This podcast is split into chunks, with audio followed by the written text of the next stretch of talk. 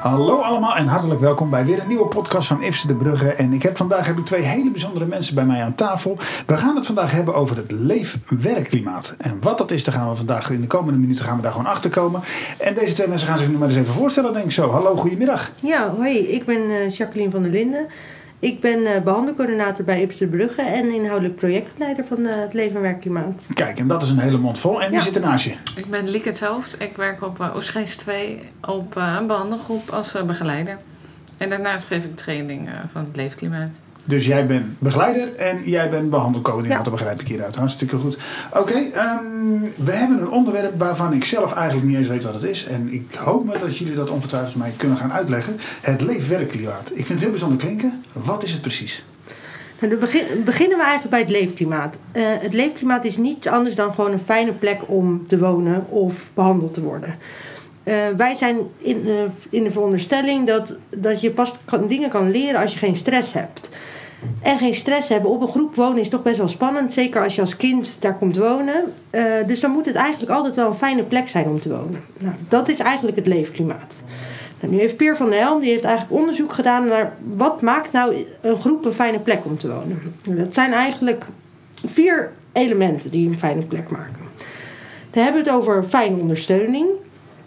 Hebben we het over eh, ehm, begeleiding die er altijd is. ehm, begeleiding die je een beetje begrijpt. Begeleiding die ook probeert om eh, niet meteen op je gedrag te reageren, maar een beetje eh, probeert achter je gedrag te kijken en te snappen wat bedoel je nou eigenlijk. Echt je te helpen, zeg Ja, maar. echt je te helpen. Ja.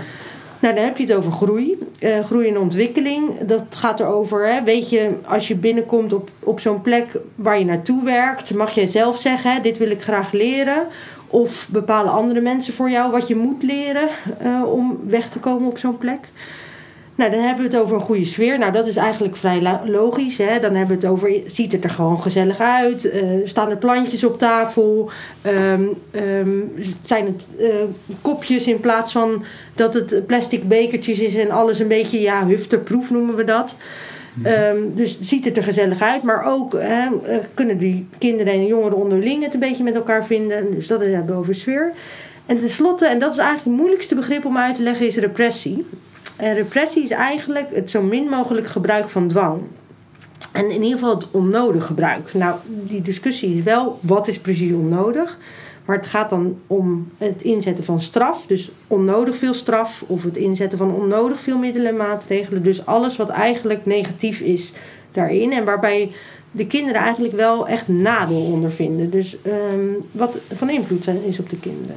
En dat zijn eigenlijk, dit is even in een notendop, wat is een leefklimaat? Wat is een leefklimaat? Juist, oké. ja. Hey, je hebt het over een onderzoek wat gedaan is. Maar eh, als ik dan kijk naar mijn, mijn historie in de zorg, dan... Ja, we hebben wel vaker lijstjes gehad met waar een, een, een omgeving aan moet voldoen voordat je jezelf lekker kon voelen en lekker kon functioneren. Wat maakt dit onder, onderwerp dan zo, eh, zo specifiek dat het weer, weer anders is als al die andere lijstjes? Ehm, ik moet zeggen dat het misschien niet iets per se anders is. Ik denk dat, eh, dat we vanuit de praktijk eigenlijk best wel goed weten wat wel of niet is. Maar het, ehm, hele leven- en werkklimaat, eh, heel deze visie geeft gewoon taal aan wat we doen. En wat ik in ieder geval zie is dat de afgelopen eh, jaren is er best wel veel ingezet op alle effectieve interventies. Hè. Een, een therapie moet ingezet worden, maar moet van tevoren gemeten worden en nagemeten worden om te kijken is het effectief. Maar dan hebben we het eigenlijk. eh, maar eh, het leefklimaat kan je niet meten. Hè? Wat op de groep doet, kun je niet meten. Nou, en dat is denk ik wat het is. Dus eh, het geeft eigenlijk heel dit onderzoek en waar we mee bezig zijn, geeft weer body aan het groepswerk. En hoe belangrijk het groepswerk is eigenlijk voor hoe we dingen doen. Dus nee, het is eigenlijk niet nieuw. Eigenlijk is het een bundeling van krachten van wat het groepswerk inhoudt. Het lijkt me wel een ontzettend moeilijk onderwerp om te doen. Omdat het zo slecht meetbaar is. Ja, hoe krijg je dan inzichtelijk wanneer, wanneer iets een goed, goed leefklimaat is? Misschien kun jij er iets over vertellen, Lieke. Want jij werkt op een groep in Oestgeest, zeg Ja, je. Heb jij een, eh, een, een, een behandelplek waar jij eh, begeleider bent, zeg maar. Ja, klopt. Pas- Ik, ehm, Jullie passen dit toe, zeg maar, in, jouw, Ja. in jouw werk? Ja. Eens eh, in de drie maanden zijn, hebben wij een meting. En eh, nou ja, dan krijg je op die vier punten die Jacqueline net noemde, krijg je eh, een uitslag. Even wachten hoor. De vier punten, dat is dus eh, groei hebben we het over. de sfeer. de mate van, van waarop dwang wordt gehanteerd. Ja, repressie. En, Ondersteuning. en ondersteuning. Ja. Juist, oké. Dankjewel. Ga verder. Ja. Nou, op die vier punten heb je dan dus, eh, wordt dan gemeten en dan wordt er gekeken eh, met het team en met, het, met de jongeren van, goh, waar staan jullie nu? Wat hè, krijg je cijfers en krijg je uitleg wat de jongeren vinden. Ehm, dus je krijgt een soort eh, rapport tussen aanhalingstekens. En daar wordt heel duidelijk aangegeven wat de jongeren vinden en hoe zij eh, het leefklimaat ervaren op de groep. Dan ga je heel goed met je team kijken en met de jongeren kijken van nou, wat zouden jullie dan daadwerkelijk willen veranderen en wat zouden jullie daadwerkelijk eh, zelf daarin kunnen en wat kunnen wij daarin en hoe kunnen wij met elkaar samen zorgen dat hier de basis op de groep eh, dat die prettig is voor iedereen, zodat jullie zoveel mogelijk ontwikkelen. Dat is mooi. Dus jij krijgt elke drie maanden een cijfer van je cliënten van hoe goed jij de Bijna sfeer hebt wel, neergezet. bijna wel. Krijg ik elke drie, drie maanden een rapportuitslag over hoe ik het doe. Ja. Oké. En wat Ja. vinden de cliënten ervan? Gaat- Werkt het, zeg maar, als je hierop let? Eh, nou ja, we hebben, eh, je, je ziet een, een, altijd een opwaartse beweging. En we hebben ook een tijd gehad dat het heel slecht ging op de groep. En eh, dat zie je dan ook terug in de meting. En eh, dat je met het team met je handen in het haar zit van hoe gaan we nu aanpakken. En eh, dan zie je dat ook echt terug ehm, eh, in de uitslagen. En dan is het super tof om met elkaar, met de jongeren te bedenken: oké, dit gaat echt niet goed. En dit is echt vervelend. Wat gaan we nu doen met elkaar? Kom. En dan nou ja, ga je met elkaar bouwen om te zorgen dat, je, dat het wel weer goed gaat. En dat je dan dus vervolgens ook die piek ziet gaan eh, in je meting. En dat is dan heel erg leuk, omdat het eh, iets heel tastbaar wordt. Je hebt vaak in dit werk dat je, eh, hè, dat je wel merkt dat het goed gaat. Of dat je in een lekkere flow zit. Maar met die meting zie je, hé, hey, het gaat goed. En oh, hey, dit zouden we nog kunnen veranderen. Of dit zouden we nog kunnen toevoegen met het team. Zodat het nog beter gaat en nog een fijnere plek is voor de jongeren om te wonen. Ehm, waardoor die behandeling veel beter is en veel meer slaagt. ja, en veel meer bij de cliënten past er natuurlijk. Ja. Ja, precies. Ehm, jullie letten hierop. Jullie hebben dan die, die, die eh, vragenlijsten, dus, om het zo te noemen, elke drie maanden. Ja. Zijn jullie de enige groep? Zijn jullie een proeftuin? Of zijn er al meer groepen waar dit gedaan wordt? Nee, er zijn nog veel meer groepen gedaan. Oké. Eh, in een heel OBC Den Haag eh, is het gedaan. De KDC's zijn nu langzamerhand zijn die aan het beginnen. Maar het KDC Alphen heeft al eh, zijn eerste metingen gedaan. Ehm, en eh, de eh, zaterdagopvang en de logeerhuizen zijn nu ook aan de beurt. Dus langzamerhand eh, is eh, heel kind en jeugd eh, eh, die, eh, ja, die ook mee gaan doen in deze meting. Ja, en je hebt een verschil tussen, ehm, we hebben het over de OBC, zeg maar. Ehm eh, Peer van der Helm is al vanaf 2011 bezig met dit project. Uh, Ipster Brugge heeft dit eh, meegekregen, ook deels vanuit Schakenbos, omdat daar eh, ook al lang er wel mee wordt Even voor gewerkt. de mensen die niet weten, wat is Schakenbos? Schakenbos is een gesloten jeugdzorginstelling waar, Van Ipsen de Brugge, hè? eh, ja, Ja. waar Ipsen de Brugge ook eh, ehm, bij betrokken is. Ja. En die zijn nou begonnen vanuit de, de visie. Destijds is het volgens mij acht jaar geleden opgezet. En vanuit de visie van het leven en werkklimaat. Dus zowel fysiek als in de metingen ehm, is er toen over nagedacht. Dus Ipsen de Brugge is daar niet nieuw in. Wat we nu wel heel erg gaan doen zijn... we hebben ook binnen Ipsen de Brugge best wel een grote doelgroep... die het niet kan vragen. Dus we, hebben, ja, we doen het eigenlijk zoveel mogelijk... door aan de kinderen en aan de jongeren zelf te vragen. Dat is ook de meest leuke informatie. Want het is gewoon ontzettend leuk om van, van de kinderen te horen. Hè? Wat vind je ervan? Het is ook een doelgroep die dat aan kan natuurlijk, om die vragen eh, Ja, en, en daar krijgen. dus ook Ja. soms wel eens over te discussiëren natuurlijk. Hè? Want dat eh, een vraag over, hè, vind je de regels groep, leuk- goed op de groep? Daar komt natuurlijk ook wel eens verzet op van Ja. nee, we vinden de regels niet goed. Eh, Maar dan is het vervolggesprek, wat doe je ermee? Mhm. Maar we hebben ook binnen Ipsenburg best wel een doelgroep die het niet kan vragen. Nou, daar zijn we de afgelopen jaren eigenlijk mee bezig geweest. Hoe, hoe meet je daar dan het leven werkklimaat? Ehm, maar voor ons is zo'n meting is eigenlijk een middel. En ik denk dat dat wel een van de belangrijke dingen is. Het moet niet een doel op zich worden. Eh, een meting is een middel om als team te kunnen werken en te praten over het leven en werkklimaat. En met, met de kinderen, maar ook met de ouders te hebben over hè, wat vinden wij nou een goede plek voor, voor het kind om te wonen. Ja, dus de, de, de, de vragenlijsten moeten niet leidend zijn, zeg maar, Nee. of, of, of moeten geen doel op zich worden eigenlijk, als het ware. Nee, Ja. voor iedere doelgroep geldt ook wel net iets andere criteria, zeg maar. Ja. Ehm, en je ziet wel al die elementen van sfeer, ehm, groei, depressie, ondersteuning zie je eigenlijk wel terug. eh, de groepdynamica. Ehm, daar zie je over al die doelgroepen wel terug, maar allemaal wel op een eigen invulling. Ja. Ja. ja. Op een eigen invulling. Zeker, ja, elke groep is ook verschillend natuurlijk. En dat, dat maakt het dan ook weer zo lastig om, om, om, die, om die lijsten af te kunnen nemen en het onderzoek eh, te kunnen doen. Is het onderzoek eigenlijk ooit wel afgerond? Vraag ik me dan ook af.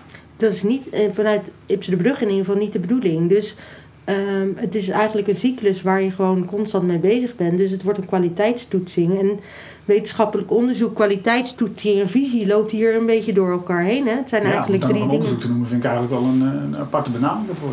Ja. Ja, visie ontwikkelt zich natuurlijk. Dus misschien Ja. is het beter om daar eh, richting een visie te gaan denken. ja. Ehm, hoe lang ben jij jezelf al bij betrokken? Ja, ook lang. Ik ben hier eh, mee gestart tijdens mijn opleiding. Ehm, ook op afgestudeerd. Dus al ja, vanaf 2012. Ik heb zelf bij Schakenbos gewerkt. Dus vanuit daar opgezet. En vervolgens bij Ipsen de Brugge. Dus, Dus jij hebt ook ehm, om de peer meegewerkt aan het onderzoek, begrijp Ja, ik hieruit. Ja, dus Oké. wel al eh, eh, lang al hiermee bezig. Ja. En nog steeds is het leuk om hiermee bezig te zijn. Ja, En nu als gedrags... ja als Eh, eh behandelcoördinator. Ja, Ja, dat knip ik er dan dus uit, zeg maar. Gedra- Sorry, behandelcoördinator. Ja. ja. dus nee, ik zoek, af en toe moet ik ook even mijn vraag formuleren natuurlijk. Eh, eh, even kijken. Hey, jij als, eh, als behandelcoördinator, ben jij de enige die dit dan uitrolt binnen Ipsen de Brugge? Of zijn er meer collega's van jou die hier ook mee bezig zijn? Nou, we hebben een, eh, een, eigenlijk een projectteam, zeg maar. Eh, dat is een klein, met een onderzoeksassistent en ik als inhoudelijk projectleider en ook een, eh, een organisatorisch projectleider. Maar binnen Ipsen de Brugge hebben we wel een, ehm, ja, een stevige groep binnen kind en jeugd die hiermee bezig is. die ons ook adviseren in, in het project. Het vraagt wel investering. Hè? Lieke vertelt dit nu van hè, we zijn hier gestart met die meting, maar er gaat natuurlijk best wel een traject aan vooraf voordat ehm, op de het op de groep is geland, maar ook eh, voordat je iedereen ook zover hebt, ik ga hiermee werken en ik vind het leuk om ermee te werken. En zeker dat laatste. Eh, we hebben er eigenlijk niks aan als die metingen moet je, moet je worden. We hebben er pas wat aan als iedereen snapt, oh, waarom is deze visie? En sta ik er eigenlijk wel achter, ja of nee?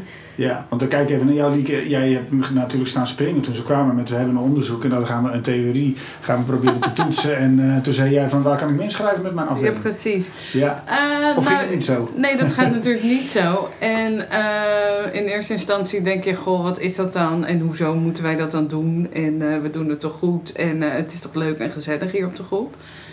Eh, en we hebben al een visie en we hebben al nee, dat. En dan ga Vond je... het dan ook als kritiek op je werk vanaf het begin? Of, of? Nou, dat kan best een beetje zo voelen. Eh, ik denk dat ik het altijd wel interessant vind. Goh, wat, eh, hè, wat zit er achter het leefklimaat en wat is dan leuk? Eh, maar ik denk dat men echt wel in eerste instantie eh, hallo, m- maar wat kom jij mij nou vertellen? Dus daarom is er ook een training. En ben ik, kwam ik twee jaar terug bij de leefklimaattraining binnenrollen. En heeft Jacqueline in een dag mij verteld wat leefklimaat nou inhoudt.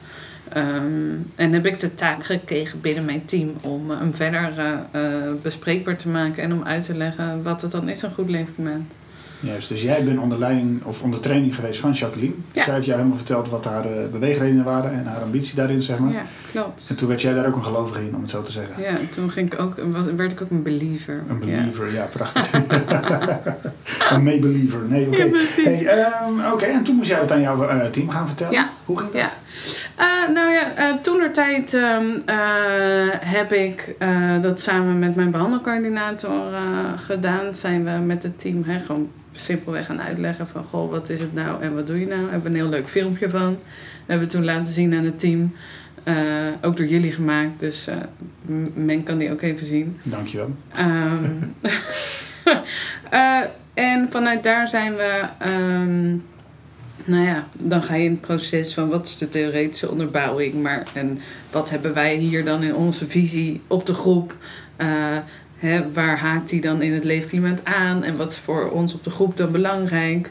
Ehm, en eh, ja, op die manier ga je verbinding leggen tussen het team en tussen de kids en het leefklimaat. Eh, en wat er al staat. Eh, en dat vond ik heel erg leuk, dat het echt je basis is. En eh, het geeft taal aan je basis. Dus het geeft heel erg, eh, met je team ga je één taal spreken over wat je aan het doen bent. En wat je met de jongeren aan het doen bent. En dat, ehm, we zijn altijd heel hard aan het werk op de groep, maar we hebben niet altijd de taal voor dat wat we doen. En door het leefklimaat leer je heel erg te benoemen waar het wel in zit. En dat is in ieder geval wat ik heel erg heb geleerd.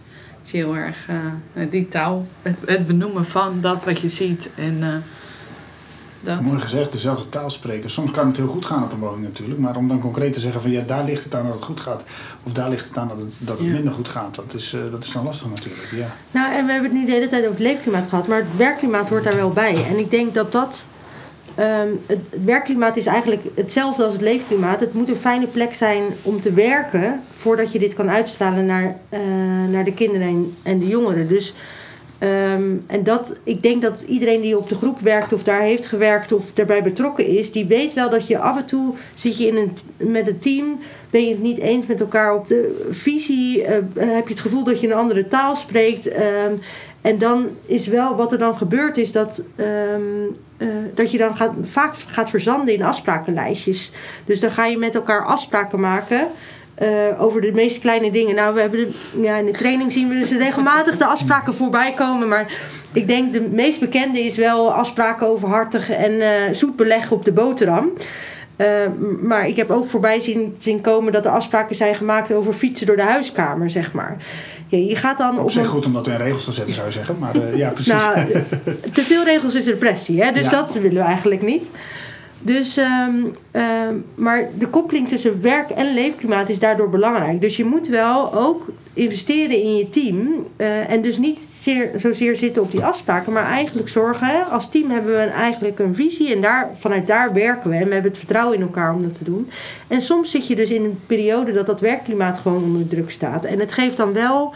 Het is het model van, van Kok, die, het is het model vanuit 73, dus dat is lang geleden die bouwden dat eigenlijk op. Het leefklimaat en een individuele behandeling. Uh, uh, groepsbehandeling zit erboven, een individuele behandeling. Maar voor ons staat het werkklimaat eronder. Dus um, soms kan je bedenken, als een team in zo'n flow zit van het gaat even niet goed. Waar zit het dan in die vier elementen? Is het dan iets dat de individuele behandeling niet goed staat? Is het het leefklimaat? Is het de groepsbehandeling die niet goed staan? Of is het het werkklimaat? En het geeft wat handvaten in waar ga je beginnen uh, als het niet zo goed loopt. Mooi dat je ze uh, zo dicht bij elkaar zet en ook leef- en werkklimaat. En, uh, hè, vanuit vroege tijden hebben we vaak gezegd van nou, het leefklimaat goed, moet goed zijn. Want als de cliënten het goed hebben, hebben wij het ook goed. Maar er wordt nu dus extra aandacht besteed aan het werkklimaat dat jij als medewerker dus meekrijgt, zeg maar. Ja, wat een van de dingen die het, een goed leefklimaat doet, is zorgen dat de stress beperkt is. En ik denk met nieuwe dingen leren komt stress bij kijken. Daarnaast weten we dat we de kinderen die we op de groep hebben, zijn getraumatiseerd, de hechtingsproblematiek. Daar is al de stress uh, over het algemeen hoger of anders uh, werkt het stresssysteem al anders. Ja. Maar dat geldt voor de kinderen dat uh, we een klimaat willen hebben waar ze zo min mogelijk stress hebben. Maar dat betekent dat je dus als medewerker ontzettend veel moet kunnen verdragen. Want die, het is niet dat die gedragsproblemen weg zijn. En al wil je niet vanuit de repressie reageren, dus vanuit dwang reageren, dan kom je ook op het stress van de medewerker. Op het moment dat een medewerker stress heeft, dan kunnen wij ook minder goed nadenken. En dan zal je ook eerder verzanden in. Uh, oh, ik laat het maar even gaan. Of uh, ik zit er te dicht bovenop. En dat is precies wat er ook bij de cliënten gebeurt. Dus als team moet je ook niet te veel stress hebben om goed na te kunnen denken over wat zet je nu in. En dat betekent heel veel verdragen. Want dat is ja, werken met kinderen met gedragsproblemen is niet heel makkelijk. En dat zorgt bij tijd en wijde voor stress bij de medewerkers. Maar op het moment dat je als medewerker stress hebt, dan doet dat de sfeer niet ten goede, kan ik me zo voorstellen. Nee, ja, op het moment dat jij stress hebt, kan jij minder goed nadenken over wat, hoe reageer ik op bepaald gedrag. En je zal dan dus eerder zeggen, ik laat het even gaan. Dus ik kijk even een andere kant op, ik heb niet gezien wat hij doet. Of andersom, je zal eerder zeggen: ik ga er bovenop zitten en we moeten het nu met elkaar aanpakken. En uh, hij krijgt nu straf uh, als hij dit niet doet. Of, uh, hij moet dus, dat doen, anders dan. Ja, dus je vervalt sneller in depressie. Ja, ja, logisch. Stress komt voort uit spanning. En op het moment dat je die spanning weg kan nemen door iets te beheersen, dan ben je je stress kwijt. Zo ga je dan heel ja. logisch denken natuurlijk. Ja. Dus, uh, ja. En dat is precies wat we nou niet willen. Dus al wil je dat voorkomen voor de cliënten, moet je dat ook deels voorkomen voor de medewerker. Dus dat betekent ook dat leidinggevende een medewerker moet ondersteunen. Dat je moet weten, hè, als ik iets doe op de groep, wat misschien eh, dat er altijd iemand naast staat. Dat, dat je team altijd achter, achter je staat. Dat je als team dezelfde dingen uitdraagt. Dus dat zijn ook wel belangrijke elementen. Op het moment dat je niet het gevoel hebt van ik sta fijn op mijn werkplek, dan zal je eerder met stress ook op de groep werken. Oké, ik vind het zo leuk dat jullie samenspreken. Want jij hebt heel erg de theoretische kant Ja. heb je in je hoofd zitten inderdaad. En jij, Lieke, als, als, als Ja. medewerker, heb je gewoon echt heel erg die praktijk. Dus ja, Ja, nou automatisch dan de vraag van Ja. hoe zie jij nu dat jouw werkklimaat is verbeterd sinds je hier aan meedoet? Oh ja, omdat je vindt. Nou ja, wat ik net al zei. Het heeft echt te maken met dat je als team hetzelfde uit gaat stralen. En dat je als team hetzelfde in het proces gaat staan. En dat je op die manier naar de jongeren gaat kijken. Ehm, en niet vanuit beheersing eh, dingen neerzet omdat dat voor jou goed voelt. Eh, met eten inderdaad worden zoveel regeltjes bedacht. ehm, om maar te zorgen dat hè, eh, collega's de regie hebben. Maar op het moment dat we met elkaar uitschrijven... joh, dit zijn de normen en waarden. Hier voelen wij ons met elkaar prettig bij. Maar sommige regels werden ook verzonnen om, om het duidelijk te maken, toch, voor de cliënten? Ja, ja, nee, absoluut. Tuurlijk. Maar eh, op het moment dat je een bakje eh, met mayonaise hebt... leer jij die cliënt niet dat, eh, waarom je een bepaalde hoeveelheid mayonaise neemt. Hè, ik kan ook kilo's mayonaise eten, maar dat heeft een bepaald gevolg. En op het moment dat ik met een cliënt dat gesprek heb... Goh, vind je dat niet een beetje veel? Eh, hè, want mayonaise is heel ongezond. Het is, ik noem maar een stom voorbeeld. Een simpel maar voorbeeld, ja. een heel simpel voorbeeld. Ehm, zal ik nooit intrinsiek zijn motivatie gaan aantikken, aan, aanwakkeren. eh, dat hij zelf bedenkt, oh hé, hey, ehm, ja, dat is eigenlijk helemaal niet wat ik wil. Want ik vind eigenlijk dat gezond eten eh, iets belangrijks is. Want dat stralen wij met heel het team uit. Ehm, en als ik weet dat ik dat doe... eh, en mijn collega de volgende dag ook... en die collega die eh, daarna en daarna komt ook doen... kijk, dan ga je kleine zaadjes leggen bij, bij een cliënt... en langzamerhand krijgt die de intrinsieke motivatie... om bepaalde dingen wel te doen of bepaalde dingen niet te doen. Je wil gewoon niet meer als team zeggen. Dan heb je geen regels meer nodig, nee. Ja, sorry. Nou, je wil Ja. niet meer als team zeggen omdat ik het zeg. Ja. Dus eh, je moet maar gewoon luisteren omdat ik het zeg. Eigenlijk wil je, regels zijn eigenlijk in dat betreft pas goed. Op het moment dat je als team kan uitleggen, aan een kind kan uitleggen waarom een bepaalde afspraak of een bepaalde regel is. En dus het gaat meer op de focus op het waarom dan op de, op de regel zelf. Wat ik wel belangrijk vind om nog te zeggen is. Eh, leven- en werkklimaat is ook wel een beetje gezien als een soort van softie-methode. Waarin je eigenlijk geen regels meer mag stellen. Om, eh, en dat, dat is niet zo. Want zeker ons, de doelgroep waar we in werken hebben wel regels en structuur nodig. Dus je Ja. dagprogramma is leidend. Ja. Dus je wil ze kansen geven om zelf te ontwikkelen en kansen geven om zelf fouten te maken. Maar je wil niet zodanig dat ze. Je wil ze ook in een veilige omgeving op laten groeien waar ze niet fouten maken die traumatiserend zijn. Dus er, er zit wel een grens ook aan. Dus het is, je structuur hoort er ook bij. Oké, En je ja, want thuis ook. werkt het prima om af en toe te zeggen van omdat ik het zeg. Als ik met mijn kinderen iets doe. Ja, ik denk dat we dat allemaal wel herkennen ook natuurlijk. Ja. Ja. Maar goed, waar, waar leg je dan die balans? Dat is dan de vraag natuurlijk die je moet stellen. Dat verschilt per groep en dat ehm, eh, verschilt ook per leeftijdscategorie. Ik denk dat je goed moet kijken naar wat kan een kind aan. En dat, dat zit in leeftijd. eh, maar bij de doelgroepen waar wij mee werken zit dat niet alleen in leeftijd, maar ook in cognitief niveau. Maar ik denk dat doordat ze een verstandelijke beperking hebben, dat we vaker de neiging hebben om naar de, eh, de, ja, de beschermende kant te gaan. Terwijl ze, ja, je vindt het ook belangrijk dat iedereen zijn eigen fouten mag maken. En dat dat ook mag op het moment dat je een, een licht verstandelijke beperking heeft, hebt. Ja. Dus daar moet je wel ruimte voor maken. Maar het moet wel, dan moet jij er wel zijn eh, om het weer op te vangen en te helpen, zeg maar. Dat is wel een beetje het idee. ja, je bedoelt heel erg dat de jongeren ook fouten moeten leren kunnen maken. Ja. Ja, als je, als je intern leert, zeg maar, als je in je, in je hoofd van je fouten kan leren, dan kun je daarna kun je het, het de volgende keer anders doen. Dus ik begrijp dat wel, ja. ja. Nou, en ik denk dat kinderen met een verstandelijke beperking meer, fout, meer keren nodig hebben om van dingen te leren. Mhm. Eh, dus dat je dat wel moet doen. Maar ook daardoor het risico lopen dat ze in gevaarlijke situaties terechtkomen. En daar moet je ze wel voor beschermen. Ja. Ik zit wel te denken, jullie zijn hier heel erg van overtuigd dat het werkt. En eh, jullie hebben dit ervaren en jullie, eh, nou, jullie geloven hierin, zeg maar. toch nog de vraag van hoe krijg je nou je eigen personeelsleden of de mensen die bij jou op de groep zitten, als je hier zo gepassioneerd over bent, hoe krijg je die nou zover dat ze hier ook in meegaan en dat ze dit ook gaan zien als iets wat echt goed werkt? Ik denk dat het begint met dat het management erin gelooft en deze visie ademt. Dus ehm, ehm, ik denk niet dat je moet beginnen met eh, het trainen van de begeleiders. Dus zijn we, overigens hebben wij zelf deze fout wel gemaakt door te beginnen bij de begeleiders. Van je fouten leren hoor, dat Ja, ja, scheelt. ja. Dus dat, ehm, wij zijn begonnen van, hè, we gaan, dit is iets voor de begeleiders en hier moeten begeleiders mee aan, de gang. Maar aldoende in het project kom je daar eigenlijk achter dat, eh, dat het niet iets is wat op de groep alleen is. Hè. Management en de leidinggevenden creëren ook een eh, goed werkklimaat waardoor de, leiding, eh, waardoor de medewerkers dit op een fijne manier kunnen doen op hun groep. En dat geldt ook voor de behandelcoördinator die de teams weer aansturen. Het moet in de aansturing van, van een organisatie moet je constant die eh link hiermee leggen.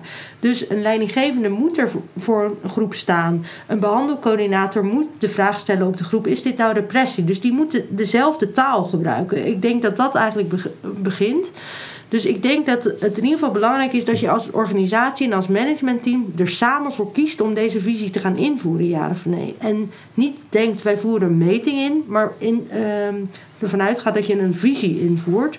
Met daarbij behorende trainingen, maar ook dat het weggezet is in je overlegstructuren. Dat je zorgt dat het op agenda's gaat. Dat het in je, eh, in je jaarrapportages terugkomt. Dat het eh, in de visie naar gemeentes en dat soort dingen terugkomt. Dus, ehm, maar eigenlijk vooral in je aansturing naar de teams. Eh, en dan, het klinkt een beetje gek, maar we hebben in het hele project ervaren dat die medewerkers eigenlijk niet het moeilijkste waren om te overtuigen van deze visie. Dit was al eigenlijk wat hun deden. Dus ze kregen, ei- eigenlijk kregen ze pas nu hiermee de erkenning van hè, wat wij doen is goed. En ze hoorden van de jongeren eh, ook vooral positieve punten. Hè, dat de jongeren tevreden zijn of van de ouders die we soms bevragen. Eh, dus ze kregen eigenlijk juist credit voor hun werk. Dus op, op groepsleidersniveau hebben we er maar enkeling gezien die we moesten overtuigen.